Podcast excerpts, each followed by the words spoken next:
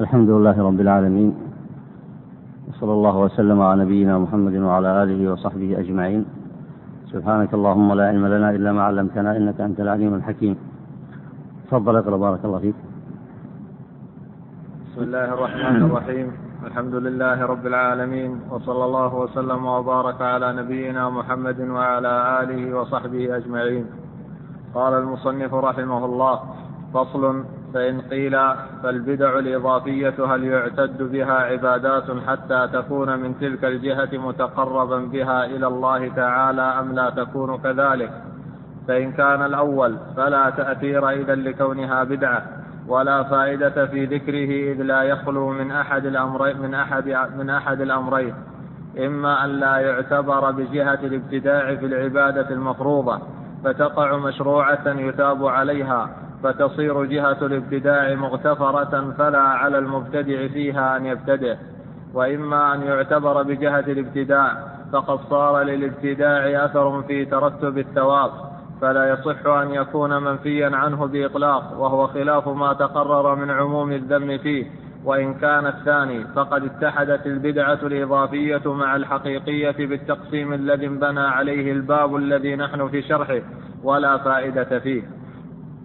فالجواب أن حاصل البدعة الإضافية أنها لا تنحاز إلى جانب مخصوص في الجملة بل ينحاز بها الأصلان أصل السنة وأصل البدعة لكن من وجهين. وإذا كان كذلك اقتضى, اقتضى النظر السابق للذهن أن يتاب العامل بها من جهة ما هو مشروع ويعاتب من جهة ما هو غير مشروع. إلا أن هذا النظر لا يتحصل لأنه مجمل والذي ينبغي أن يقال في جهة البدعة في العمل لا يخلو أن تنفرد أو تلتصق وإن التصقت فلا تخلو أن تصير وصفا للمشروع غير منفك إما بالقصد أو بالوضع الشرعي أو العادي أو لا تصير وصفا. وإن لم تصر وصفا فإما أن يكون وضعها إلى أن تصير وصفا أو لا. فهذه أربعة أقسام لا بد من بيانها في تحصيل هذا المطلوب بحول الله. أي نعم بارك الله فيك. الإمام الشاطبي في بداية هذا الفصل يريد أن يبين هنا أن البدع يؤول أمرها إلى أربعة أقسام وسيبين هذه الأقسام الأربعة. وقد أشار في آخر كلامه هنا يقول إن البدعة أو جهة الابتداع في العمل إما أن تنفرد فيكون العمل معه بدعة مستقلة تنفرد عنه وإما أن تلتصق به وإما أن تلتصق به. فإذا التصقت به تكون مرتبطة به لا تنفك عنه. تكون مرتبطة كالوصف مع الموصوف كما سيأتي. وإما أن تنفك عنه بعض الأحيان. وسيذكر هذه الأقسام أمثلة. وسيكون في الأمثلة التي يذكرها بيانا لهذا الكلام المجمل الذي ابتدأ به هذا الباب. ومقصده هنا أن البدعة الإضافية كما سبق معكم. ما هو مثال البدعة الإضافية؟ من يذكر مثالا للبدعة الإضافية؟ الصيام مع الوقوف في الشمس أو عدم لو صام واقفا في الشمس أو صام لا يتكلم. فهذا الوصف. هذا الوصف المذكور هنا. بعيد عن العبادة أو ملتصق بها.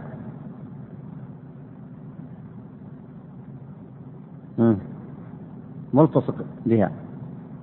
وهو كالوصف لها بحيث لا ينفك عنها أم أن الالتصاق بها ضعيف. التصاق هذا الوصف بالصيام ضعيف. في فعل المكلف هنا وإلا شديد الالتصاق بالصيام بحيث أنه لا يرى جواز الصيام إلا أن يكون أو أنه يرى أنه لكي يكون الصيام مشروعا ومندوبا إليه في حالة الندب أو في حالة الفرضية وأن يكون له أجر عظيم أنه يضيف إليه وصف. ما هو هذا الوصف؟ ألا يتكلم وألا يستظل. هذا الوصف المذكور هنا. منفرد عن الصيام بالكلية ولا متعلق به؟ متعلق به متعلق بالصيام. متعلق بالصيام. هذا التعلق هنا ملتصق به التصاق واضح؟ بحيث أن المكلف لا يرى صحة لصيامه أو أجرا عظيما لصيامه إلا مع هذه الحالة. ملتصق بهذا العمل. ويصير وصفا للمشروع أو لا يصير؟ يصير وصفا للمشروع. حتى إذا سألت ما صفة صيامك؟ قال أنا أصوم غير متكلم وغير مستظل. فيصير هذا الوصف للصيام غير منفك عنه. بالقصد والوضع الشرعي عند المكلف أو لا؟ عد إلى العبارات اللي ذكرها المصنف على صعوبتها لكن بالمثال تتضح بالقصد والوضع الشرعي أو العادي الوضع الشرعي المكلف يرى أن هذا من الشرع. المكلف يرى أن هذا من الشرع. ومثال آخر يوضح كلام المصنف. المصنف يقول هنا أن العمل هذا الذي في جهة الابتداع إما أن ينفرد تنفرد البدعة عنه أو تلتصق به. وإذا التصقت به إما أن تكون وصفا للمشروع لا ينفك عنه بالوضع الشرعي أو لا تصير وصفا. مثال آخر كما ورد النهي رأى النبي عليه الصلاة والسلام كما في الحديث الصحيح الصحيحين. النبي عليه الصلاة والسلام رأى رجلا آه، قال رجل إن أختي إن أختي نذرت أن تحج ماشية. فقال مرها فلتركب. مرها فلتركب فهذا أمرها النبي عليه الصلاة والسلام بالركوب. وقد كانت تريد أن تحج ماشية وهي تقدر على الركوب. تقطع الفيافي العظيمة وتحج ماشية. فالنبي صلى الله عليه وسلم أمرها بالركوب. أمرها بالركوب. فلو أن الإنسان حج ماشيا من بلاد بعيدة بأي شيء نفتي نحن ماذا نقول له؟ كما ورد في الحديث نقول له أتمم حجك واركب. فلو أصر واعتبر الركوب المشي هنا اعتبر أن المشي هنا في هذه الصورة في هذه الفئات العظيمة أن هذا زيادة أفضلية في الحج. فهذا الوصف الزائد هذا الوصف الزائد على العبادة ما هو الآن؟ وأن أن ينظر أن يحج ماشيا. هذا الوصف الزائد. مرتبط بالعمل الذي هو الحج أو لا. قال المصنف هنا لا يخلو أن ينفرد أو يلتصق. هذا ليس منفردا ملتصق بالحج. إذا سألت المكلف وقلت له هذا يعتبر له فضل في الحج ملتصق بالحج قال نعم. ثم أيضا يصير وصفا للمشروع أو لا يصير؟ يصير وصفا غير منفك عنه تقول حج ماشيا. حج ماشيا عند المكلف هذا القصد بالوضع الشرعي أو العادي؟ الشرعي. يعني أدخله في الشرع. فصار وصفا له كل كلام المصنف هذا ليستثني بعض الأوصاف أو بعض الأشياء اللي يدخلها المكلف على العبادات لكن ليست وصفا. ليست وصفا لا ينفك عن العبادة كما سيأتي في بعض الأمثلة. والمقصود أن التقسيمات هذه اللي ذكرها المصنف أنه يبين أن أفعال المكلفين فيما يدخلونه ويزيدونه على العبادات لا يخلو من أحد هذه الأوصاف الأربعة. لا يخلو من أحد هذه الأوصاف الأربعة. يقرأ القسم الأول؟ فأما القسم الأول وهو أن تنفرد وهو أن تنفرد البدعة عن العمل المشروع فالكلام فيه ظاهر مما تقدم إلا أنه إن كان وضعه على جهة التعبد فبدعة حقيقية. وإلا فهو فعل من جملة الأفعال العادية لا مدخل له فيما نحن فيه فالعبادة سالمة والعمل العادي خارج من كل وجه. مثاله الرجل يريد القيام إلى الصلاة فيتنحنح مثلا أو يتمخط أو يمشي خطوات أو يفعل شيئا ولا يقصد بذا وجها راجعا إلى الصلاة وإنما يفعل ذلك عادة أو تقززا. فمثل هذا لا حرج فيه في نفسه ولا بالنسبة إلى الصلاة. لماذا؟ لماذا ذكر المصنف؟ لأنه عمل منفرد عن العبادة. عمل منفرد عن العبادة. لا يقصد به صاحبه التعبد. هذا مثال على القسم الأول. عمل منفرد. ما تقول هذا وصف لاحق بالعبادة عمل منفرد عن العبادة. لا يقصد به صاحبه التعبد. نعم. وهو من جملة العاديات الجائزة. إلا أنه العادات وهو من جملة العادات الجائزة. إيه. وهو. من جملة العادات الجائزة. إلا أنه يشترط فيها أيضا ألا يكون بحيث يفهم منه الانضمام إلى الصلاة عملا أو قصدا فإنه إذ ذاك يصير بدعة وسيأتي بيانه إن شاء الله. كيف ينضم إلى العبادة؟ يعني كيف تنضم النحنحة إلى العبادة؟ إذا أدخلها على وجه التعبد فإنها تخرج من المثال الأول. فإنها تخرج. تخرج عن المثال الأول. أي نعم. وكذلك أيضا وكذلك أيضا إذا فرضنا أنه أنه فعل فعلا فعل فعلا قصد قصد التقرب مما لم يشرع أصلا. ثم قام بعده إلى الصلاة المشروعة ولم يقصد فعله لأجل الصلاة. ولا كان مظنة لأن يفهم منه انضمامه إليها. فلا يقدح في الصلاة وإنما يرجع الذم فيه إلى العمل به على الانفراد. ومثله لو أراد القيام إلى العبادة ففعل عبادة مشروعة من غير قصد الانضمام ولا جعله عرضة لقصد انضمامه. فتلك العبادتان على أصالتهما. وكقول الرجل عند الذبح أو العكس اللهم منك وإليك على غير التزام ولا قصد الانضمام. وكقراءة القرآن في الطواف لا بقصد الطواف ولا على الالتزام. فكل عبادة هنا منفردة عن صاحبتها فلا حرج فيها. ماذا تفهم من هذه الأمثلة؟ الآن هذه عبادة من العبادات. تتعلق بها عبادة أخرى. فهما عبادتان منفردتان. كل عبادة وقعت على وجه الشرعي فلا إشكال فيه.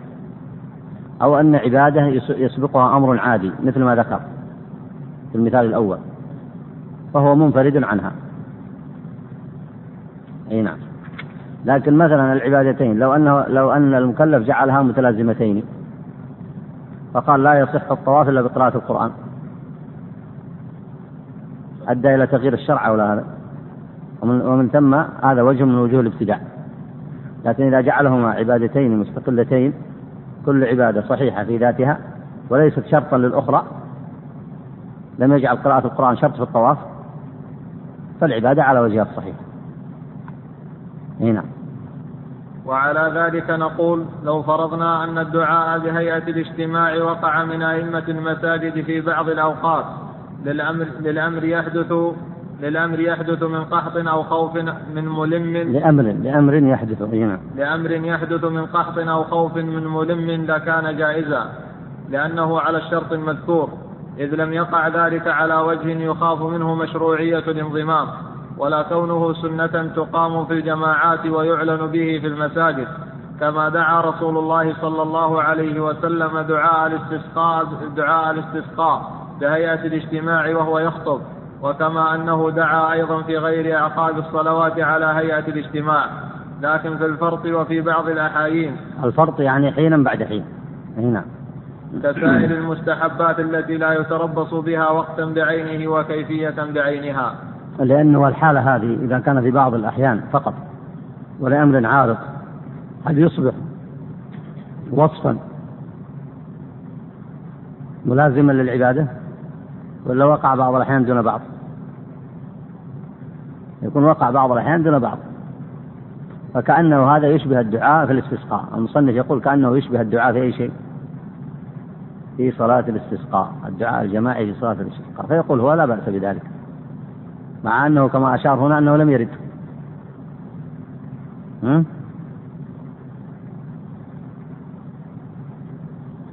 أشار هنا إلى أنه لم يرد. قال لم يقع ذلك منه. وكما أنه دعا أيضا في غير أعقاب الصلوات وكما أنه دعا أيضا في غير أعقاب الصلوات على هيئة الاجتماع أي في أعقاب الصلوات لم يدعو. هذا من باب التخريج. يعني كأن المصنف يقول لو وقع أحيانا نادرة فما فلا يعتبر وصفا يلحق بالعبادة. لكن أيضا يمكن أن تقول أنت أيضا أنه لم يرد أصلا. لم يرد. أي نعم. وخرج الطبري عن أبي سعيد مولى أسيد قال كان عمر رضي الله عنه إذا صلى العشاء أخرج الناس من المسجد فتخلف ليلة مع قوم يذكرون الله فأتى عليهم فعرفهم. فألقى درته وجلس معهم فجعل يقول يا فلان ادعوا الله لنا يا فلان ادعوا الله لنا. حتى صار الدعاء إلى غير فكانوا يقولون عمر فظ غليظ. فلم أرى أحدا من الناس تلك الساعة أرق من عمر رضي الله عنه ولا تكلى ولا أحد. وعن سلم, وعن سلم العلوي قال قال رجل لأنس رضي الله عنه يوما يا أبا حمزة لو دعوت لنا بدعوات فقال اللهم آتنا في الدنيا حسنة وفي الآخرة حسنة. قال فأعادها مرارا ثلاثا فقال يا أبا حمزة لو, لو دعوت فقال مثل ذلك لا يزيد عليه فإذا كان الأمر على هذا فلا إنكار فيه حتى إذا دخل فيه أمر زائد صار الدعاء فيه بتلك الزيادة مخالفا مخالفا للسنة. فقد جاء في دعاء الإنسان لغيره الكراهية عن السلف لا على حكم الأصالة بل بسبب ما ينضم إليه من الأمور المخرجة عن الأصل. ولنذكره هنا لاجتماع أطراف المسألة في التنبيه على الدعاء بهيئة الاجتماع بآثار الصلوات في الجماعات دائما. فخرج الطبري عن مدرك بن عمران. اي نعم بارك الله فيك. فهذه الصورة اللي ذكرها المصنف آه عن أبي سعيد مولى أسيد ولعله يقصد أسيد بن بن حضير. والثاني عن سلم العلوي هذا ذكروا فيه ضعف. قال ابن معين ضعيف. لكن المصنف هنا لماذا أورد هذين الأثرين هنا؟ لماذا أورد هذين الأثرين؟ تفضل.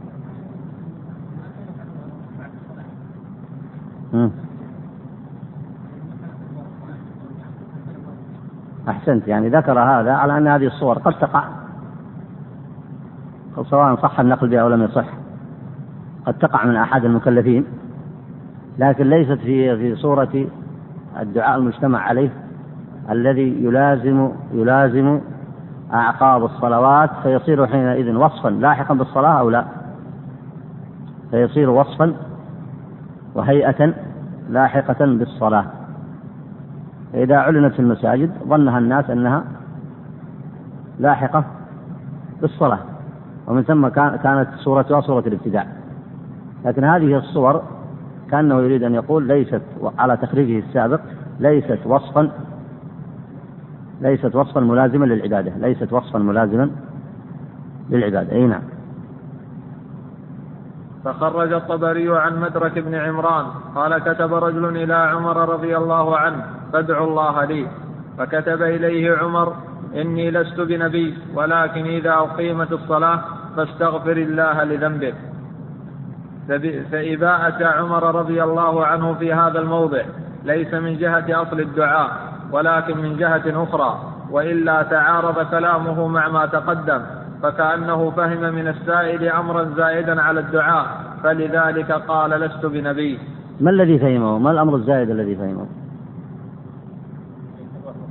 يعني أنت إنسان يأتيك الآن فيقول لك ادع لي فقد تستجيب له فيكون استجابتك صحيحة وقد تنكر عليه ويكون إنكارك صحيحا فما الذي هنا استنكره عليه عمر ما الذي فهمه ما الأمر الزائد الذي فهمه من المكلف.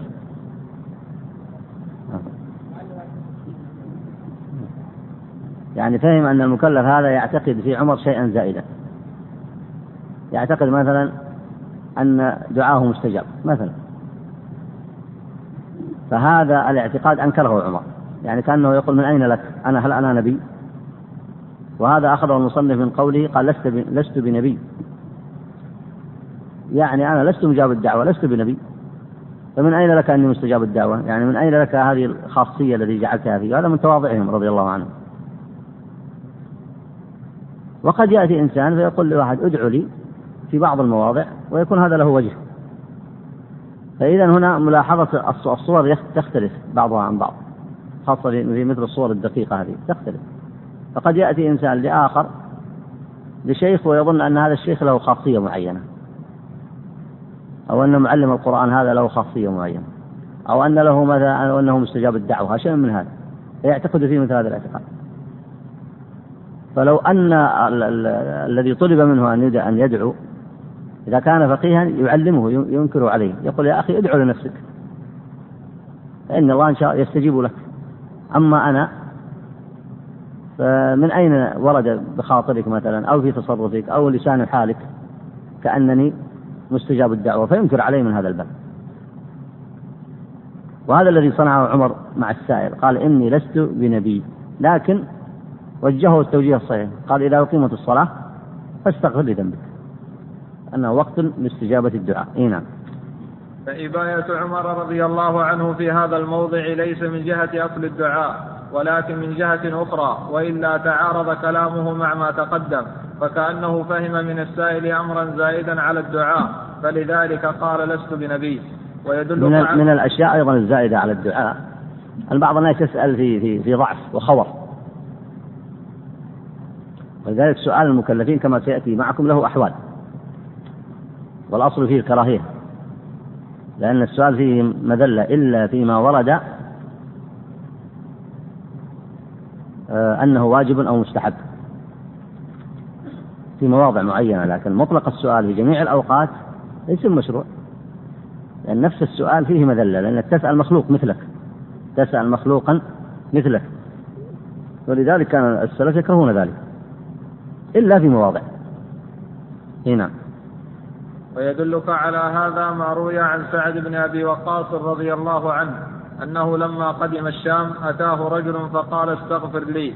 فقال غفر الله لك. ثم أتاه آخر فقال استغفر لي. فقال لا غفر الله لك ولا لذاك. انبي أنا.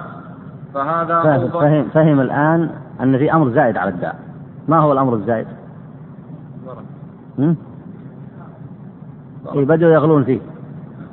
يعني هذا قال له استغفر لي. وراح للثاني قال اذهب لفلان خليه يستغفر لك. فهو عرف أن الأول بلغ إيش؟ بلغ من؟ بلغ الثاني الذي أتى له ففهم. فقال أنت أرسلك فلان حتى أستغفر لك. فشدد عليه القول. فشدد عليه القول. إي نعم. فهذا أوضح في أنه فهم من السائل أمرا زائدا وهو أن يعتقد فيه أنه مثل النبي أو أنه وسيلة إلى أن يعتقد ذلك أو يعتقد أنه سنة تلزم. أو أنه سنة أن سؤال المخلوقين الدعاء سنة. ليس بسنة.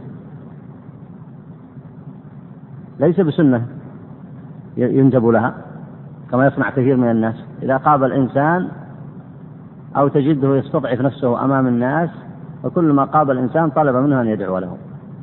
وقد يكون في السؤال شيء من التخبؤ أو نحو من ذلك. وهذا لا يليق بالمكلف لا يليق بالإنسان.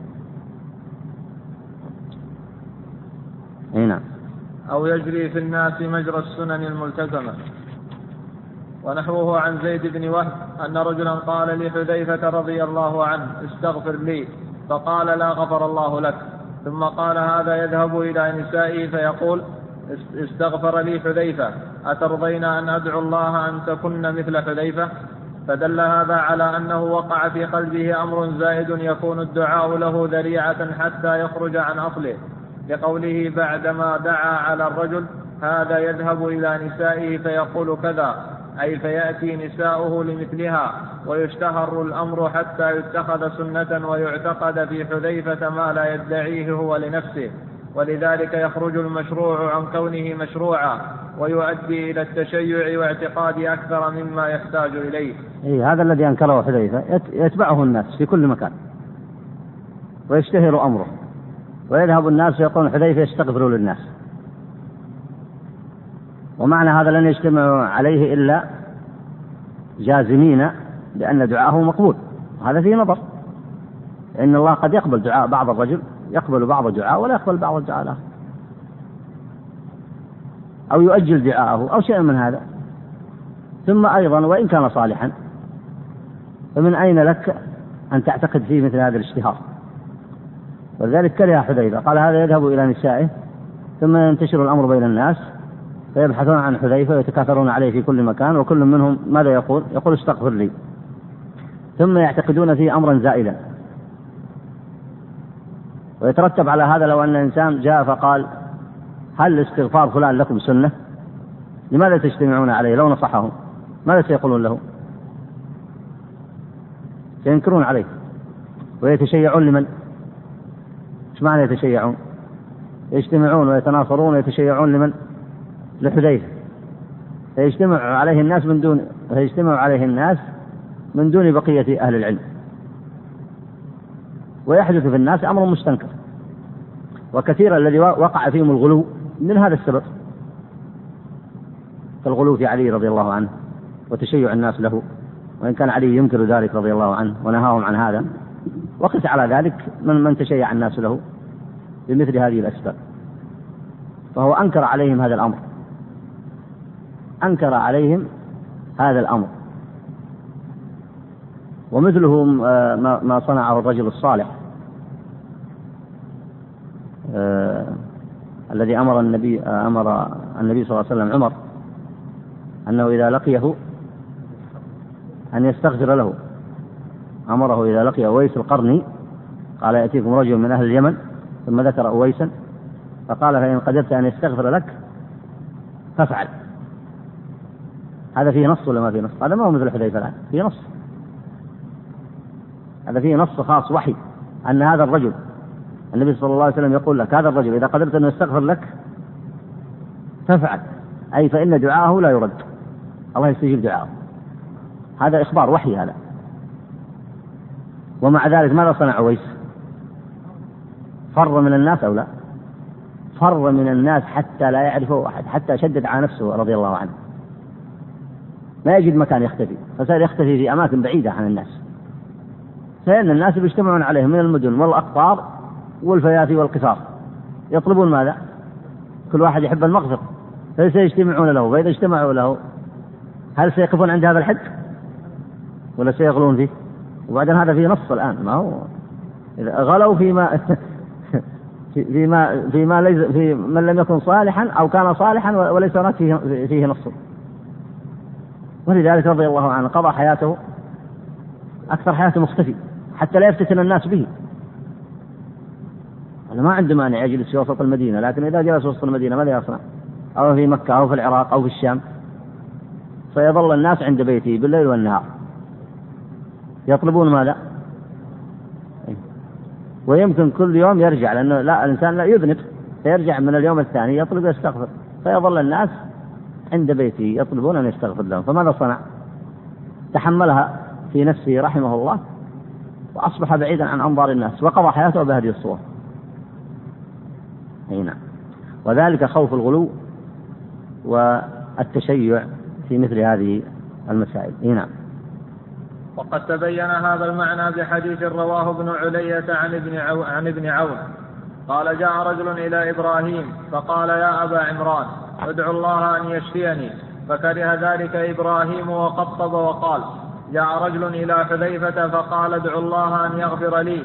فقال لا غفر الله لا غفر الله لك. فتنحى الرجل فجلس فلما كان بعد ذلك قال فأدخل فأدخلك الله مدخل حذيفة. أقد رضيت؟ الآن يأتي أحدكم الرجل كأنه قد أحصر شأنه ثم ذكر إبراهيم السنة فرغب فيها وذكر ما أحدثه الناس فكرهه. هذه المسائل آه، قد لا يراها الناس في بعض الأماكن أو شيء من هذا لكن تكثر في مواطن كثيرة. وفي تلك الأوقات كثرت مثل هذه المسائل.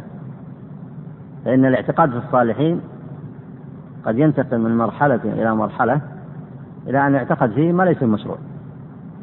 والمثال المذكور هذا كالمثال الذي سبقه. إي نعم اقرأ بارك الله وروى منصور عن إبراهيم قال كانوا يجتمعون فيتذاكرون فلا يقول بعضهم لبعض استغفر لنا. هذه عادة السلف. كانوا يجتمعون يتذاكرون القرآن يتذاكرون العلم لكن لا يقول بعضهم لبعض دائما استغفر لي ادع لي استغفر لي ادع لي. لا يكثرون من هذا ليس هذا من عادتهم. إي نعم. فتأملوا يا أولي الألباب ما ذكره العلماء من هذه الضمائم المنضمة إلى الدعاء حتى كرهوا الدعاء إذا انضم إليه ما لم يكن عليه سلف الأمة. فقس بعقلك ماذا كانوا يقولون في دعائنا اليوم اليوم بآثار الصلاة بل في كثير من المواطن. وانظروا إلى استنارة إبراهيم ترغيبه في السنة وكراهية ما أحدث الناس بعد تقرير ما تقدم. وهذه الآثار من تخريج الطبري في تهذيب الآثار له.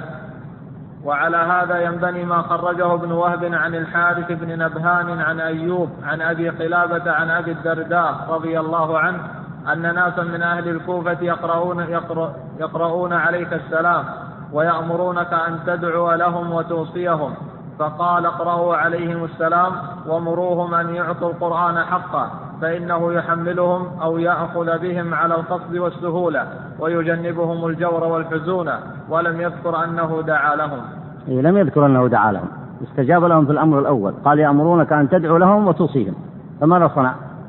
أبو الدرداء ماذا صنع؟ أوصاهم وذكرهم بالقرآن والاستقامة عليه وإعطاء القرآن حقه وذكر لهم ما يترتب على ذلك من الفوائد العظيمة وأن الله عز وجل يوفقهم فيه على القصد. أي التزام السنن الصحيح والصراط المستقيم. ويجنبهم الخشونة والشدة والجور الحزون معناها الشدة. ولم يدعو لهم لم يستجب لطلبهم الآخر.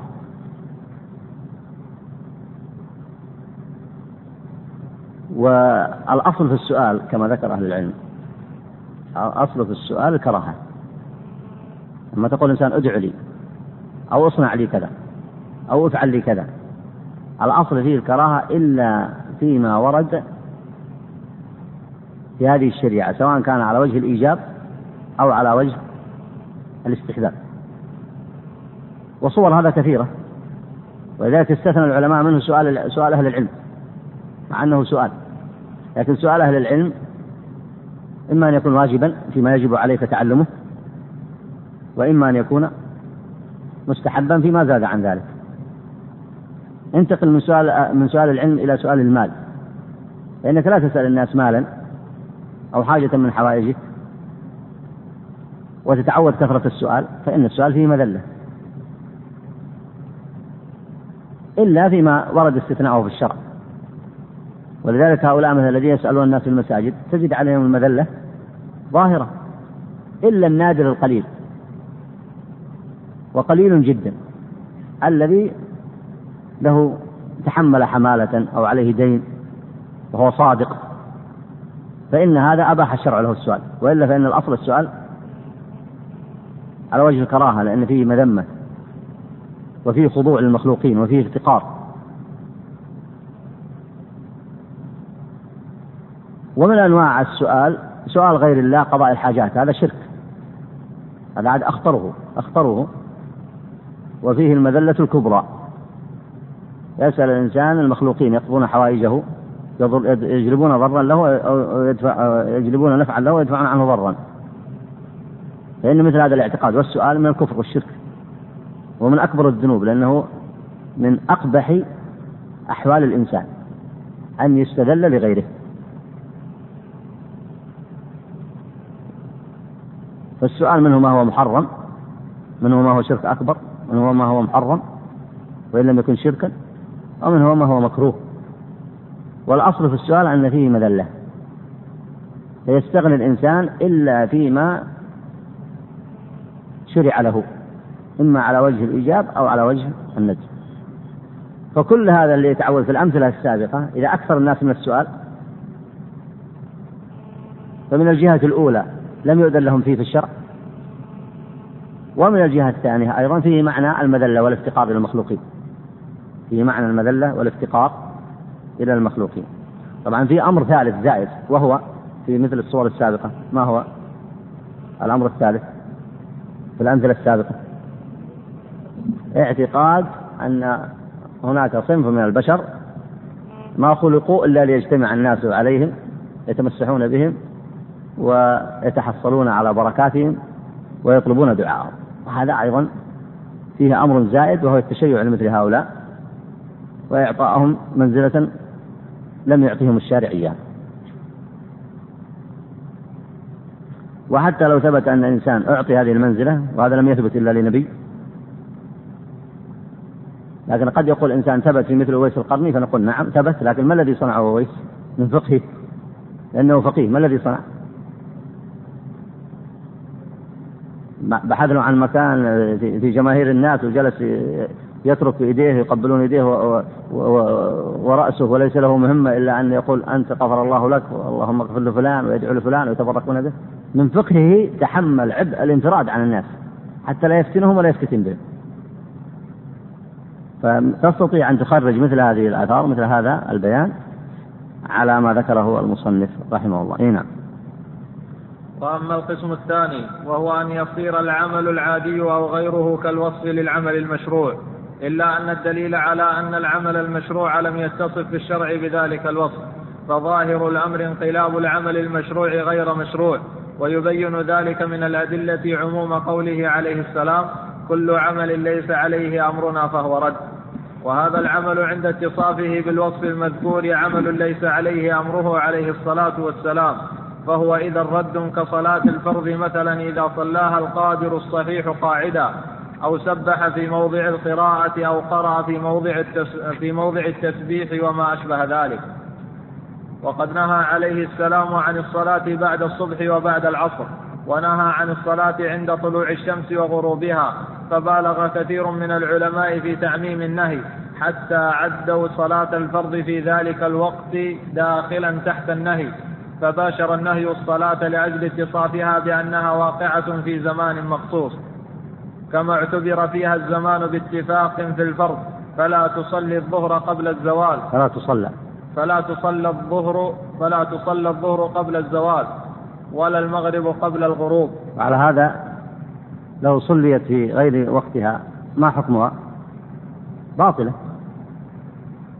فهي عبادة انضم إليها وصف. كما ذكر المصنف هنا يصير العمل العادي أو غيره كالوصف للعمل المشروع. فأنت ما تستطيع تقول لي صلاة الظهر والعصر لكن ماذا تقول؟ تقول صلاة ظهر وعصر في غير في غير وقتها. فهذا الوصف هذا الوصف اتصف به العمل. إنسان صلى قبل الوقت صلى الظهر قبل الوقت. هل تقول صلى الظهر ولا تضيف صلى الظهر قبل وقتها؟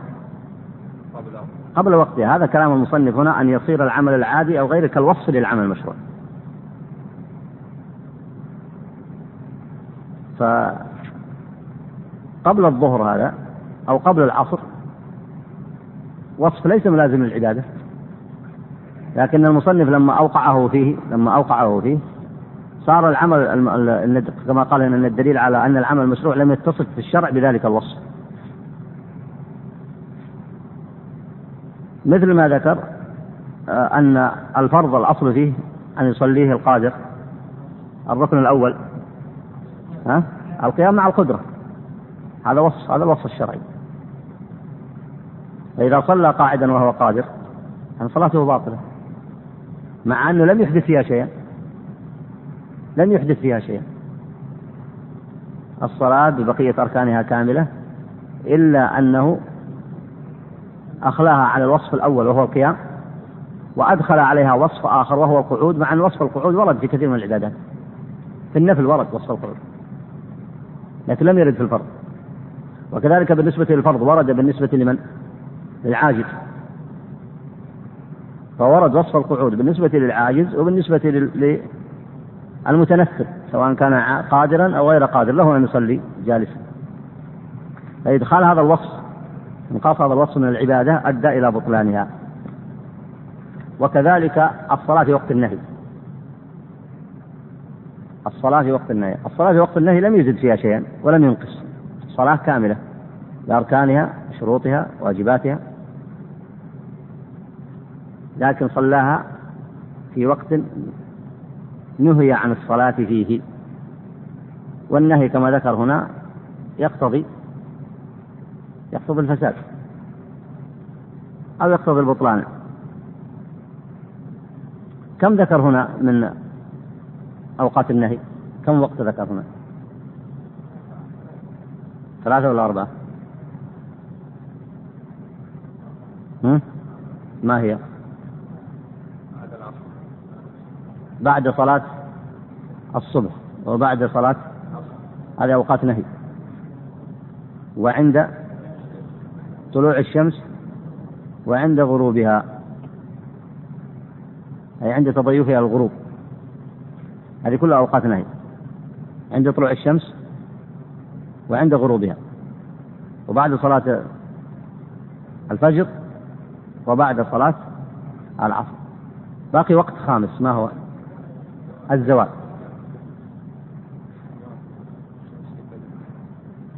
هذه الأوقات الخمسة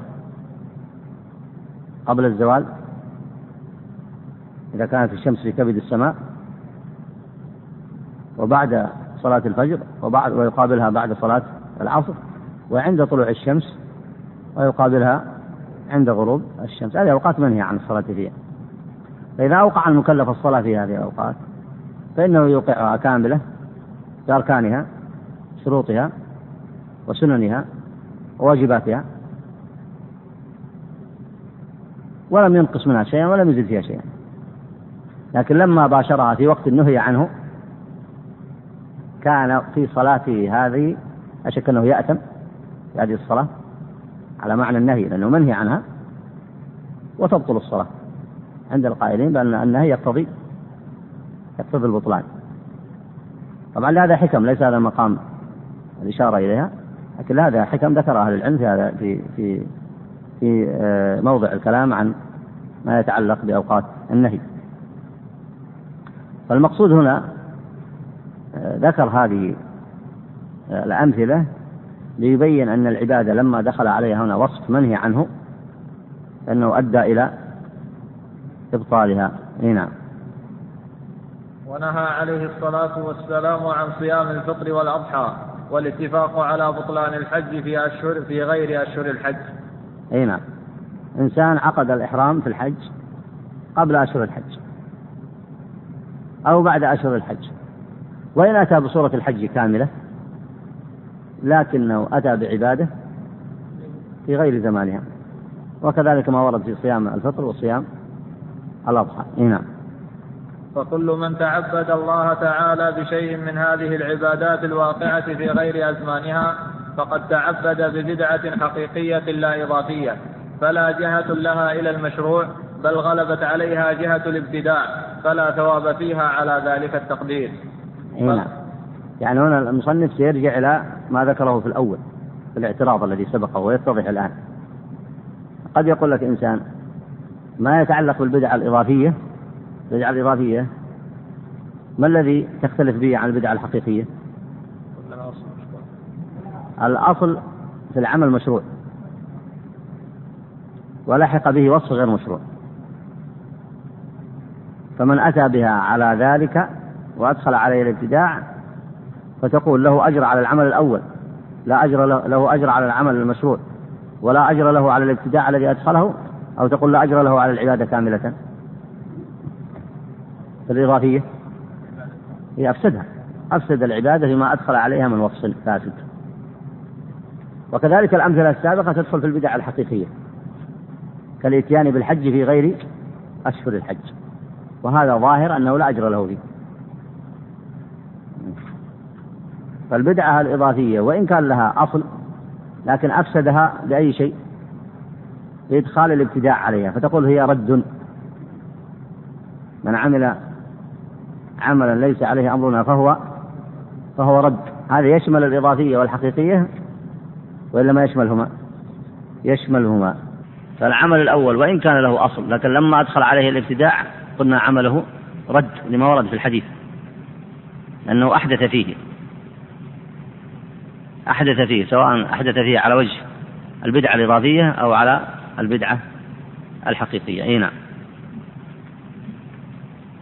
فلو فرضنا قائلا يقول بصحة الصلاة الواقعة في وقت الكراهية أو صحة الصوم الواقع يوم العيد فعلى فرض أن النهي راجع إلى أمر لم يصل للعبادة كالوصف بل الأمر منفك منفرد حسب ما تبين بحول الله. هذا قال لو فرضنا. أي نعم. لكن هو منهي عن عن, عن الصيام والفقهاء متفقون على النهي في هذا. إي نعم. ويدخل في هذا القسم ما جرى به العمل في بعض الناس كالذي حكى القرافي عن العجم في اعتقاد كون صلاة الصبح يوم الجمعة ثلاث ركعات فإن قراءة سورة السجدة لما التزمت فيها وحوفظ عليها اعتقدوا فيها الركنية فعدوها ركعة ثالثة فصارت السجدة إذا وصفا لازما وجزءا من صلاة من صلاة صبح الجمعة فوجب أن تبطل. وعلى هذا الترتيب ينبغي أن تجري العبادات المشروعة إذا خصت بأزمان مخصوصة بالرأي المجرد إي نعم ويناسب مثل هذه التفصيلات أن الطالب إذا قرأ في كتب الفقه ينزل كلام أهل العلم في منازله فمثلا لو وجدت الإمام مالك وهو من أشد العلماء نهيا عن الابتداع. لو وجدته يكره السجدة مثلا فلا بد تنزله على هذا الكلام. لا تقول مالك خالف السنة. ما يعرف أن النبي صلى الله عليه وسلم كان يصلي صلاة الفجر ويقرأ سورة السجدة في بعض الأحيان. مالك يعلم هذا يعلم أن هذا ورد عن النبي عليه الصلاة والسلام. لكن يكرهه لآخرين لأنهم اعتقدوا أنها وصف لازم لصلاة الصبح لا بد منه. يصير الذي أنكره مالك ما هو؟ اعتقادهم الفاسد فيه. حتى عدوها كأنها ركعة ثالثة. وهكذا كلامه في, في كما سبق معكم في إنكار مالك صيام الست. فما يقع في بالك أن الإمام مالك لا يعرف أن صيام الست سنة وأنه ورد. وإنما أنكر ذلك ومن أفتى به أيضا بالكراهة لقوم ألحقوا الستة برمضان. وهذا وجد في بعض الأعصار بحيث أنهم لا يصلون العيد إلا في اليوم السابع من شوال. فمثل هذا أنت لو سمعت بهذا أنت تنكره. فينبغي لمن قرأ في كتب الفقهاء أن ينظر إذا كان الإمام ينكر أمر. ينظر لماذا أنكره وقد يكون أنكره لوصف زائد ولم ينكره من حيث أصله من حيث كونه سنة. لكن نظر إلى أفعال المكلفين فرأوا أنهم زادوا في السنة زادوا على السنة ما ليس منها فأنكر الزائد. فلا تفهم من هذا أنه ينكر الأصل. أي نعم. مثل مسألة الدعاء. إذا جاءت الإنسان ينظر لرجل يكثر الحاجة والتضرع وسؤال الناس الدعاء فأنكر عليه. ما تفهم أن هذا ينكر أصل الدعاء؟ أي نعم. وعلى هذا الترتيب ينبغي أن تجري العبادات المشروعة إذا خصت بأزمان مخصوصة بالرأي المجرد من حيث فهمنا فهمنا أن للزمان تلبسا بالأعمال على الجملة فصيرورة ذلك الزائد وصفا للمزيد فيه مخرج له عن أصله وذلك أن الصفة مع الموصوف من حيث هي صفة له لا تفارقه هي من جملته وذلك لأننا نقول إن الصفة هي عين الموصوف إذا كانت لازمة له حقيقة أو اعتبارا. ولو فرضنا ارتفاعها عنه لارتفع الموصوف من حيث هو موصوف بها كارتفاع الإنسان بارتفاع الناطق أو الضاحك فإذا كانت الصفة الزائدة على المشروع على هذه النسبة صار المجموع منهما غير مشروع فارتفع اعتبار المشروع الأصلي. وهذا قصده بما سبق بأن الوصف الذي قد يزيده المكلف على العبادة يصبح ملتصقا بها ثابتا فيها يلحق بها كأنه جزء منها. هذا هذا هو الابتداع. هذا هو الابتداع وهذا يؤثر فيها يؤثر عليها إما بإبطالها كما ذكر في الأوصاف السابقة. أي نعم. ومن أمثلة ذلك أيضا قراءة القرآن بالإدارة على صوت واحد فإن تلك الهيئة زائدة على مشروعية القراءة وكذلك الجهري الذي اعتاده أرباب الزوايا وربما لطف وربما لطف اعتبار الصفة فيشك في بطلان المشروعية كما وقع في العتبية عن مالك في مسألة الاعتماد في الصلاة لا يحرك رجليه. إيه, إيه نعم. مسألة قراءة القرآن بالإدارة على صوت واحد هذه لها صور.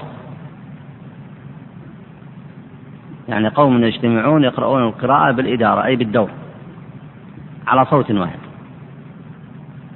فإما أن يديرون الصورة بينهم فيقرؤونها بصوت واحد. وإما أن كل منهم يقرأ ويتم الذي بعده. فأي الصور يقصد المصنف هنا؟ صوت بصوت واحد أما إذا قرأ أحدهم ثم أتم الذي بعده هذا لا شيء فيه في صورة ثالثة صورة ثالثة وهي أن يجتمع ثلاثين رجل وكل منهم يقرأ جزء الأول يقرأ جزء رقم واحد والثاني الثاني والثالث الثالث والرابع الرابع والثلاثين الثلاثين يختمون القرآن في كم؟ ها؟ في نصف ساعة. ويقولون ختمنا المصحف. هذه صورة. فأي الصور يقصدها هنا المصنف؟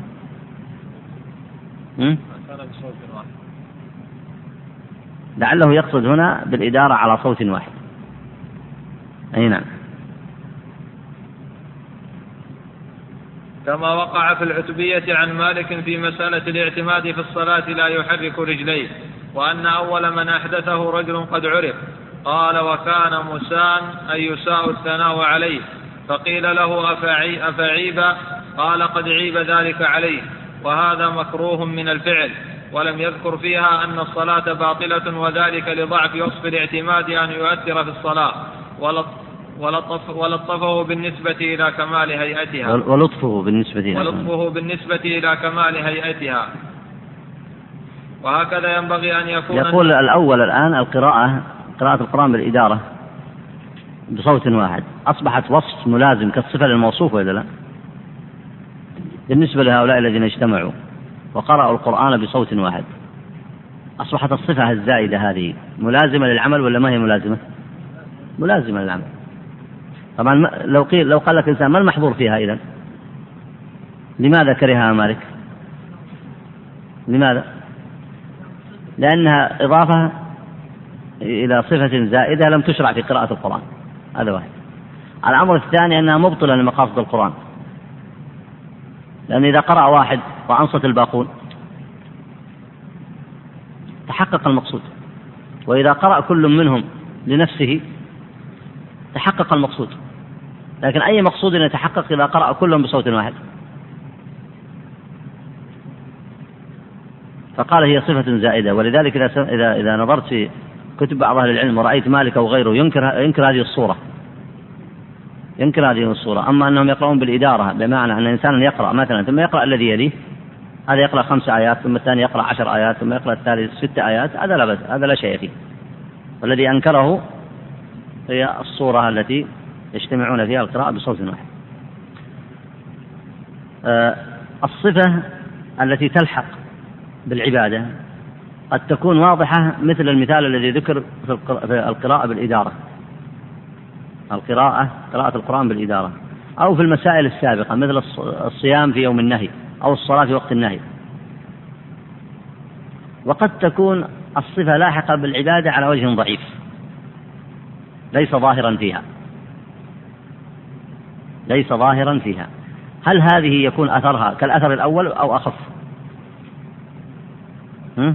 يكون أخف. وهذا الذي قصده المصنف بقوله وربما لطف اعتبار الصفة. أن تكون الصفة أخف. مثل هذه الصورة الغريبة التي ذكرها هنا. وهي أن يعتمد على رجليه لا يحرك واحدة منها في الصلاة. هذا قال عده مالك من الإحداث. عده عد عده مالك من الإحداث. يعني أشبه الوقفة العسكرية. يعني حط رجليه في الأرض ما يحركها إلى تمام الصلاة. وهي صورة غريبة. طبعا في صور مجاورة لها. المراوحة في الصلاة وردت فيها آثار أو لا؟ أن يراوح الرجل. ما معنى المراوحة؟ يعتمد مرة على هذه ومرة على هذه. هذا ورد فيه آثار. فإذا الذي أنكره مالك هنا يقول أول من أحدث هذه الصورة رجل يعتمد لا يحرك رجليه مطلقا. فكأنهم رأوا في هذا مخالفة لما ورد في الآثار في مسألة المراوحة فعدوا هذا من البدع. فهي صفة لاحقة بالصلاة لكن هذه الصفة ليست ظاهرة. ليست ظاهرة ليست زائدة زيادة قوية في الصلاة لأنها قد تلتبس بصور أخرى. قد إنسان يراوح في بعض الصلاة ويثبت قدميه في أكثر الصلاة كما هو العادة كما هو المعروف. ومن ثم يقول إن بعض الأوصاف تكون يعني أثرها أخف. ثم ذكر هذا المثال عند الإمام مالك. إي نعم.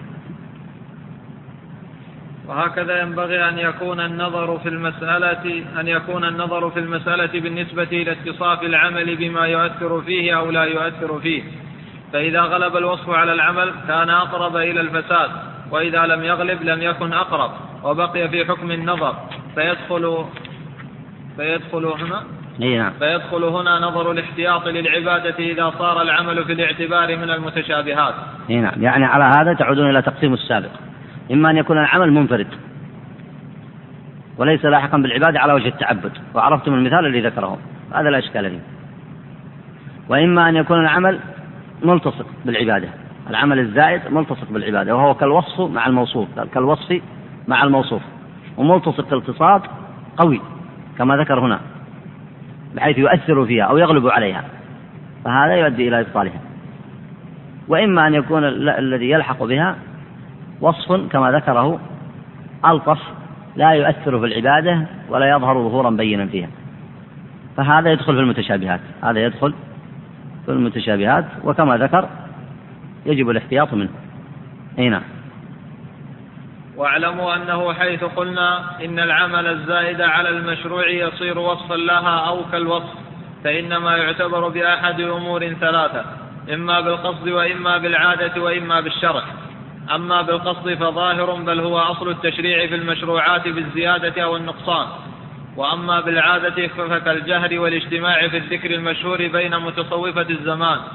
فإن بينه وبين الذكر المشروع بونا بعيدا إذ هما كالمتضادين عادة وكالذي حكى ابن وضاح عن الأعمش عن بعض أصحابه قال مر عبد الله برجل يقص في المسجد على أصحابه وهو يقول سبحوا عشرا وهللوا عشرا فقال عبد الله إنكم لأهدى من أصحاب محمد صلى الله عليه وسلم أو أضل بل هذه يعني أضل وفي رواية عنه أن رجلا كان يجمع الناس فيقول رحم الله من قال كذا وكذا مرة سبحان الله. قال فيقول, فيقول القوم ويقول رحم الله من قال كذا وكذا مرة الحمد لله. قال فيقول القوم قال فمر بهم عبد الله بن مسعود رضي الله عنه فقال لهم هديتم لم لم يهدى لم لم يهدى نبيكم وإنكم لتمسكون بذنب ضلالة. وذكر له أن ناسا طيب لعل نكتفي بهذا. نكتفي بهذا المقدار ونكمل إن شاء الله الدرس القادم بمشيئه الله. صلى الله وسلم على نبينا محمد وعلى آله وصحبه أجمعين يقول السائل إذا أراد جماعة من الشباب أن يقرأوا على شخص مريض هل يجوز لهم أن يقرأوا آيات الرقية بصوت واحد؟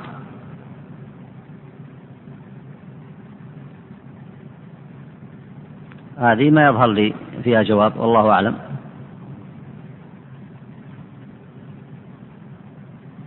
يقول ما معنى قول المصنف على صوت واحد؟ هذا سبق بيانه في الدرس. إي نعم. يعني يقرؤون يقرؤون جميعا بصوت واحد. يقرؤون جميعا بصوت واحد.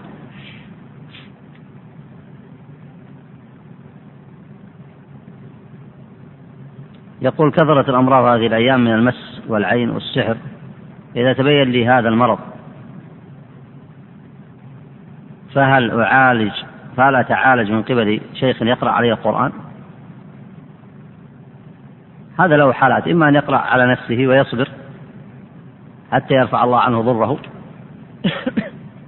وإن لم يستطع وأراد أن يرقى بالقرآن فيقرأ عليه إنسان آخر هذا أيضا له ذلك لا بأس به له له ذلك حتى ينفعه الله عز وجل بالقرآن والرقية كما هو معروف مشروعة.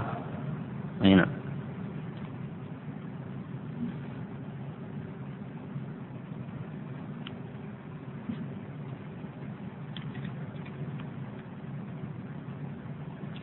يقول هنا فإن قراءة القرآن والرقية قد شاعت وذاعت. أفلا تظن أن الناس يعتقدون في القراء شيئا؟